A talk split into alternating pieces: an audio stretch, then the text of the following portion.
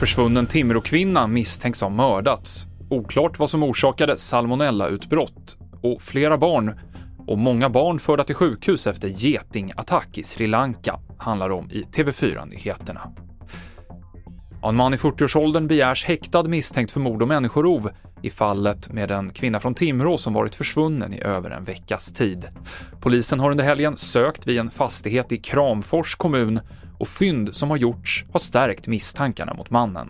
Ja, anledningen till att eh, åklagaren nu begär den här mannen häktad såsom på sannolika skäl misstänkt för människorov och mord, det är med anledning av fynd som har gjorts under den här sökinsatsen som har pågått under helgen tillsammans med eh, de utredningsåtgärder som har skett under föregående vecka.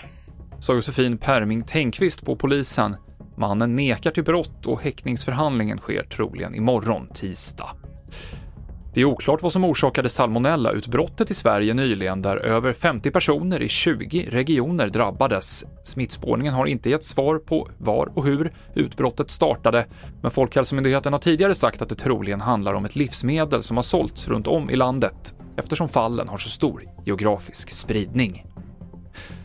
I Sri Lanka har 42 barn förts till sjukhus efter att de blivit stuckna av getingar nu på morgonen. Enligt tidningen Sri Lanka Mirror så skedde det här efter att ett getingbo nära en skola på något sätt blivit stört och för flera av barnen så ska tillståndet vara kritiskt.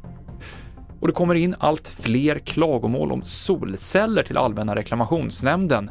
Jämfört med 25 förra året så har i år lämnats in över 100 klagomål som framförallt handlar om att väntetiden varit för lång, om felaktiga installationer eller om att solcellerna ger mindre effekt än vad som utlovats. TV4-nyheterna med Mikael Klintevall.